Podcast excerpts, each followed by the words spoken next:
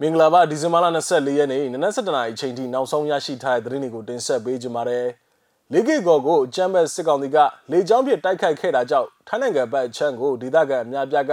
ညာတွင်းချင်းထွက်ပြေးတိမ်းရှောင်ခဲ့ရတယ်လို့သိရပါတယ်။မြန်မာနိုင်ငံမှာဒီမိုကရေစီစနစ်ကိုပြန်သွားရေးနဲ့အကြမ်းဖက်မှုကိုရပ်တန့်ရေးကိုအိန္ဒိယနိုင်ငံသားအတွင်းဝင်ကတိုက်တွန်းကြောင်းပြောဆိုလိုက်ပါတယ်။စတဲ့သတင်းအကြောင်းအရာတွေကိုသတင်းထောက်ကျွန်တော်ထွန်းထွန်းဝင်းကတင်ဆက်ပေးကြပါမယ်။ ပထမအဆုံးအနေနဲ့တင်ဆက်ပေးခြင်းတဲ့သတင်းကတော့ကရင်ပြည်နယ်မြောက်ဝတီမြို့တောင်ဘက်မှာရှိတဲ့လိကိကောဒေသအတွင်းကိုဒီဇင်ဘာလ23ရက်နေ့ညအချိန်ကအာဏာသိမ်းအကြမ်းဖက်စစ်ကောင်စီကလေကြောင်းဖြင့်တိုက်ခတ်ခဲ့မှုကြောင့်ဖလုံနဲ့မင်းလက်ပံကဒေသခံအများပြားဟာညာတွင်ချင်းတောင်ရင်မြစ်ကိုကူးဖြတ်ကထိုင်းနိုင်ငံဘက်ချမ်းသူထွက်ပြေးတိမ်းရှောက်ခဲ့ရကြောင်းကိုဒေသတွင်းသတင်းရင်းမြစ်များကပြောဆိုပါတယ်ဒီဇင်ဘာလ23ရက်နေ့ည10:00နာရီဝန်းကျင်ချိန်ကလိကိကောဒေသကိုတိုက်လေရင်ဖြင့်အ ਨੇ ဆုံး3ချိန်ခန့်ဘုံကျဲတိုက်ခတ်ခဲ့တဲ့အပြင် လက်နက်ကြီးများဖြစ်လဲပြစ်ခတ်တိုက်ခတ်ခဲ့ကြောင်းကိုသတင်းရင်းမြစ်များကဆိုပါတယ်။လေရင်နဲ့လာပစ်တာ၃ကြိမ်လောက်ရှိခဲ့ပါတယ်။နောက်ပြီးလက်နက်ကြီးတွေနဲ့ပါပစ်တယ်။ပြစ်တော့ရွာသားတွေကညာတွင်းချင်းအရေးပေါ်ထွက်ပြေးကြရတယ်။အခုမနက်ပိုင်းထိလည်းထွက်ပြေးနေကြတော့မဲကြားတယ်လို့သတင်းရင်းမြစ်တူကဆိုပါတယ်။အကြမ်းဖက်စစ်ကောင်စီရဲ့လေကြောင်းတိုက်ခိုက်မှုကြောင့်ညာတွင်းချင်းထွက်ပြေးခဲ့ရတဲ့စစ်ပေးဒုက္ခသည်များကိုထိုင်းအာဏာပိုင်များကအစာပိုင်းမှာဝင်ခွင့်မပေးခဲ့တော့လဲညတကောင်ရံမတိုင်မီမှာဝင်ခွင့်ပြုလိုက်ကြောင်းကိုဒေသခြေဆိုင် ကရင်မျိုးသားမီဒီယာကရေးသားဖော်ပြထားပါတယ်။ငင်းငင်းမျိုးတော်လို့တင်စားထားတဲ့လေးကီကောမျိုးသစ်မှာဒီဇင်ဘာလ15ရက်နေ့ကစတင်ပြီးတော့နယ်မြေခံ KNL ပူးပေါင်းတပ်ဖွဲ့များနဲ့အာဏာသိမ်းအကြမ်းဖက်စစ်ကောင်စီတပ်တို့ကြားမှာတိုက်ပွဲတွေပြင်းပြင်းထန်ထန်ဖြစ်ပွားနေခြင်းဖြစ်ပြီးတော့တိုက်ပွဲရှေ့ရမြောက်နေ့မှာအကြမ်းဖက်စစ်ကောင်စီကလေကြောင်းတိုက်ခိုက်မှုတွေစတင်လာခဲ့ခြင်းဖြစ်ပါတယ်။တိုက်ပွဲအရှိန်မြင့်လာနေတဲ့လေးကီကောဒေသအတွင်းမှာကြီးမားတဲ့လူခွင့်ရေးချိုးဖောက်မှုများဖြစ်ပေါ်လာနိုင်တဲ့အတွက်လေးကီကောဒေသကိုလေကြောင်းပြန်တမ်းမှု ကင်းမဲ့ဆုံးဖြစ်ရေးပေါ်ကန့်သက်ပေးရန်ကုလသမဂ္ဂကိုကင်းမျိုးသားအစည်းအရုံး KNU ကဒီဇင်ဘာလ20ရက်နေ့နဲ့ယမန်နေ့ကတကြိမ်ထပ်မံတောင်းဆိုထားပါသေးတယ်။လေးကိကောတိုက်ပွဲကြောင့်မြန်မာစစ်ပေးဒုက္ခသည်တထောင်ကျော်ရှိလာခဲ့ပြီးတော့ထိုင်းနိုင်ငံဘက်ချမ်းမဲဆောက်မြို့နီးမှာရှိတဲ့မဲတောက်ကန်ကျေးရွာနဲ့မဲကုတ်ကင်းကျေးရွာတို့မှာယာယီစစ်ပေးရှောင်စကန်နှစ်ခုဖွင့်လင့်ကထိုင်းအာဏာပိုင်များကခိုလုံခွင့်ပြုထားခဲ့တာပါ။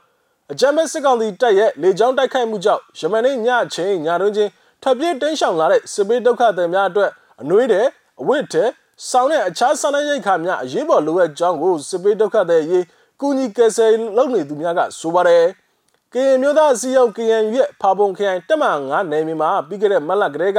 အာဏာသိမ်းအကြမ်းဖက်စစ်ကောင်စီတပ်ကလေကြောင်းဖြင့်ဘုံကျဲတိုက်ခိုက်မှုများရှိခဲ့ပြီးတော့ယမနေ့ဒီဇင်ဘာလ23ရက်နေ့ကဒူပလီယာခရိုင်တက်မ6နယ်မြေမှာထပ်မံဘုံကျဲတိုက်ခိုက်ခဲ့ရမှာယခုနှစ်နှစ်ဖက်တိုက်ပွဲအတွင်းမှာအကြမ်းဖက်စစ်ကောင်စီတပ်က လေကြောင်းတိုက်ခိုက်မှုတွေကနှစ်ကြိမ်အထိရှိလာပြီးဖြစ်ပါတယ်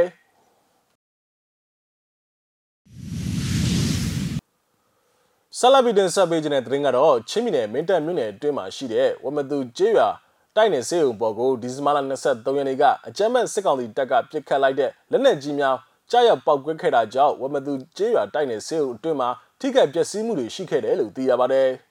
။ဝမတူကျေးရွာတိုက်နယ်စေုံပေါ်ကိုလက်နက်ကြီး၃ချက်လောက်ကြားတဲ့အထက်မှာ မျိုးသမီးလူနာဆောင်ကြမှအစာအုပ်အပေါ်တက်တဲ့တလုံးကြတယ်နှစ်ကြိမ်ကဆေးရုံဝင်တယ်လို့ပြောတယ်ပျက်စီးမှုအတိုင်းအဆကိုတော့ဆက်ပြီးစုံစမ်းနေပါတယ်လို့မင်းတပ်မြို့နယ်ပြည်သူ့အုပ်ချုပ်ရေးအဖွဲ့ဝင်တူကပြောဆိုတာကို The Minute Post မှာရေးသားဖော်ပြထားတာပါအစောပါစစ်ကောင်စီတပ်များပစ်ခတ်လိုက်တဲ့လက်နက်ကြီးကြီးကြားရောက်တဲ့ဝမသူကျွရဟာလက်ရှိချိန်မှာအကြမ်းမဲ့စစ်ကောင်စီဝင်ဥမောင်ဟာရဲ့ဇာတိရွာလည်းဖြစ်ပါတယ်လို့ဒေသခံတွေကဆိုပါတယ် နောက်ထပ်တင်ဆက်ပေးခြင်းတဲ့သတင်းကတော့မြန်မာနိုင်ငံမှာဒီမိုကရေစီစနစ်ကိုအမြန်ဆုံးပြန်သွားတာကို New Delhi ဘက်ကမြင်တွေ့လူကြောင့်ကိုအိန္ဒိယနိုင်ငံသား၏အတွင်းဝင် Harsh Van Han Shangla ကမြန်မာနိုင်ငံကိုရောက်ရှိတဲ့နှစ်ရက်တာခီးစဉ်အတွင်းမှာပြောဆိုလိုက်ကြောင်းသိရပါတယ်။အိန္ဒိယနိုင်ငံသား၏အတွင်းဝင် Harsh Van Han Shangla က၎င်းရဲ့ခီးစဉ်အတွင်းမှာအာဏာသိမ်းစစ်ကောင်စီခေါင်းဆောင်အခြားအကြီးတန်းကိုယ်စားလှယ်များနဲ့တွေ့ဆုံခဲ့တယ်လို့မြို့သားဒီမိုကရေစီအဖွဲ့ချုပ်ပါဝင် နိုင်ငံရေးပါတီများအရက်ဖက်လူဖွဲ့စည်းများမှအဖွဲ့ဝင်များနဲ့လည်းဆွေးနွေးမှုများလှုပ်ဆောင်ခဲ့တယ်လို့အိန္ဒိယနိုင်ငံခြားရေးဝန်ကြီးဌာန MEA ကသတင်းထုတ်ပြန်လိုက်ပါတယ်။ရှိုင်းဂလာက၎င်းရဲ့ခီးစဉ်တွင်မှာအိန္ဒိယရဲ့လုံခြုံရေးဆိုင်ရာကိစ္စရပ်များနဲ့ပတ်သက်ပြီးတော့လဲဆွေးနွေးမှုများလှုပ်ဆောင်ခဲ့တယ်လို့သိရပါတယ်။ရှိုင်းဂလာရဲ့ခီးစဉ်ဟာမြန်မာနိုင်ငံမှာဖေဖော်ဝါရီလစစ်အာဏာသိမ်းပြီးတဲ့နောက်မှာအိန္ဒိယနိုင်ငံမှာအစစ်မြစ်အရာရှိတူကမြန်မာနိုင်ငံသို့ပထမဆုံးလာရောက်တဲ့ခီးစဉ်လည်းဖြစ်ပါတယ်။၎ င်းရဲ့တွဲဆောင်ဆွေးနွေးမှုများအတွင်းမှာအိန္ဒိယနိုင်ငံသားရဲ့အတွင်းဝင်ကမြန်မာနိုင်ငံမှာဒီမိုကရေစီလမ်းကြောင်းစီအစောလင်ဆုံးပြန်သွားတာကိုမြင်ရရင်အိန္ဒိယရဲ့စိတ်ဝင်စားမှုဆန္ဒရှိမှုကိုအလေးပေးပြောဆိုခဲ့သလိုထိမ့်သိမ်းခံထားရသူများနဲ့အကျဉ်းသားများကိုပြန်လွှတ်ပေးရေးဆွေးနွေးညှိနှိုင်းမှုများကတဆင့်ကိစ္စရပ်များကိုဖြေရှင်းရေးအကြမ်းဖက်မှုအလုံးကိုလုံလုံလလရစဲရတို့ကိုလည်းအလေးပေးပြောဆိုခဲ့တယ်လို့ MEA ရဲ့သတင်းထုတ်ပြန်ချက်ထဲမှာဖော်ပြထားတာပါ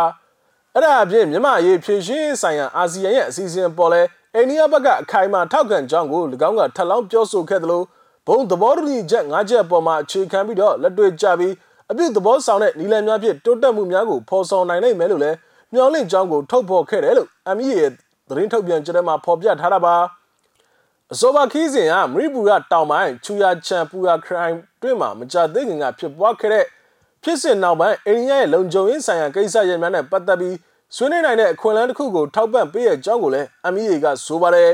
အိန္ဒိယနိုင်ငံခြားရေးအတွင်းဝင်ရဲ့ခီးစဉ်မှာမြန်မာနိုင်ငံအတွက်အိန္ဒိယနိုင်ငံထုတ် COVID-19 ကာကွယ်ဆေးပလင့်တသန်းကိုလည်းမြန်မာနိုင်ငံကြက်ရှင်နီအသင်းထံကိုလွှဲပြောင်းပေးရခဲ့သလိုလူသားချင်းစာနာမှုအထောက်ပံ့အဖြစ်မြန်မာနိုင်ငံကိုစံတဲ့ဂျုံတန်ချင်းတထောင်ထောက်ပံ့မှုကိုလည်းကြေညာခဲ့တယ်လို့သိရပါတယ်နောက်ဆုံးအနေနဲ့နိုင်ငံတကာသတင်းတပုတ်ကိုလည်းတင်ဆက်ပေးကြပါမယ် ဖိလစ်ပိုင်နိုင်ငံကိုဝင်ရောက်တိုက်ခိုက်ခဲ့တဲ့တိုင်ဖုန်းရိုင်ကြောင့်လူပေါင်း385ဦးထပ်မံတေဆုံးမှုတွေရှိခဲ့တယ်လို့နိုင်ငံတကာသတင်းတွေအရသိရပါတယ်အပြည့်စုံကိုတော့မြစည်းမသတင်းဌာနကတင်ဆက်ပေးထားတာပါနားထောင်ကြည့်အောင်ပါ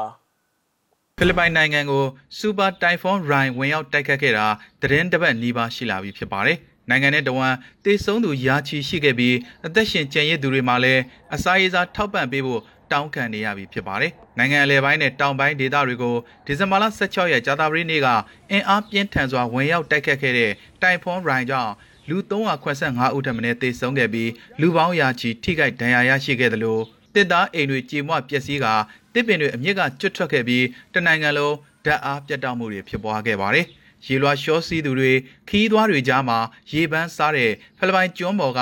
ဘားဆိုင်နဲ့အပန်းပြေစကန်ပိုင်ရှင်တွေဟာ COVID-19 ကန့်သက်ချက်တွေဖြေလျှော့လိုက်ပြီးနောက်ပိုင်းခရစ်စမတ်အားလပ်ရက်တွေအတွက်ဧည့်သည်များစွာလာရောက်ဖို့မျှော်လင့်ပြင်ဆင်ခဲ့ကြပေမဲ့အခုတော့တိုင်ဖွန်းရိုင်ကခြေမွဖျက်ဆီးသွားခဲ့ပြီဖြစ်ပါတယ်။ ခရစ်စမတ်အားလပ်ရက်မတိုင်ခင်တပတ်အလိုမှာတိုက်ခတ်ခဲ့တဲ့ယခုမုန်တိုင်းဟာခီးသွွားလုပ်ငန်းလုပ်ကင်သူတွေကိုအကြီးမားဆုံးထိုးနှက်လိုက်တဲ့တဘာဝဘေးစုဖြစ်ခဲ့ပါတယ်။ပုံမှန်ဆိုရင်ခရစ်စမတ်အားလပ်ရက်တွေမှာဖိလစ်ပိုင်မိသားစုတွေဟာနိုင်ငံရဲ့နာမည်ကျော်ကမ်းခြေတွေနဲ့ရင်ငုပ်စကမ်းတွေကိုအလဲပတ်လာကြစမြဲဖြစ်ပါတယ်။ပြီးခဲ့တဲ့နှစ်နှစ်အတွင်းကယောဂါဆိုင်ရာကန့်သက်ချက်တွေကြောင့်ခီးသွွားအရေးအတွက်ထိုးကျသွားပြီးကမ်းခြေအပန်းဖြေစကမ်းတွေကဖေးဆိုင်တွေအမတ်တရပစ္စည်းအယောင်းဆိုင်တွေနဲ့အဲလန်းညွန်တွေအဖို့ မနှဲကိုအသက်ဆက်နေခဲ့ရတာဖြစ်ပါတယ်။တိုင်းပြည်စီးပွားရေးဥမော့လာစေဖို့အစိုးရကဥပဒေအချို့ဖြေလျှော့ပေးခဲ့တဲ့မကြသေးမီလများအတွင်းပြည်တွင်းခီးသွွားလုပ်ငန်းတွေအနေနဲ့ပြန်လည်အားထက်လှုပ်ဆောင်လာချိန်မှာအခုလိုမှုန်တိုင်းရဲ့ဖျက်ဆီးမှုနဲ့ရင်ဆိုင်လိုက်ရတာဖြစ်ပါတယ်။ ဟုတ်ကဲ့ပါဒီဇင်ဘာလ24ရက်နေ့နနက်7:00နာရီအချိန်ထိနောက်ဆုံးရရှိထားတဲ့သတင်းတွေကိုကျွန်တော်တို့မျိုးစိမှာဝိုင်းတော်သားများကနေပြီးတော့တင်ဆက်ပေးခဲ့တာပါမြန်မာပြည်နယ်မှာနေထိုင်တဲ့မိဘပြည်သူတွေအကုန်လုံးဘေးရန်နဲ့ကင်းရှင်းကြပါစေလို့ဆုမွန်ကောင်းတောင်းအပ်ပါတယ်လက်ရှိဖြစ်ပွားနေတဲ့ COVID-19 ကပ်ရောဂါနဲ့ပတ်သက်ပြီးအထူးဂရုစိုက်ကြဖို့လည်းထပ်မံတိုက်တွန်းနှိုးဆော်ခြင်းပါတယ်နောက်ထပ်ရရှိလာမယ့်သတင်းတွေအတူတူကျွန်တော်တို့ပြန်လာခဲ့ပါမယ်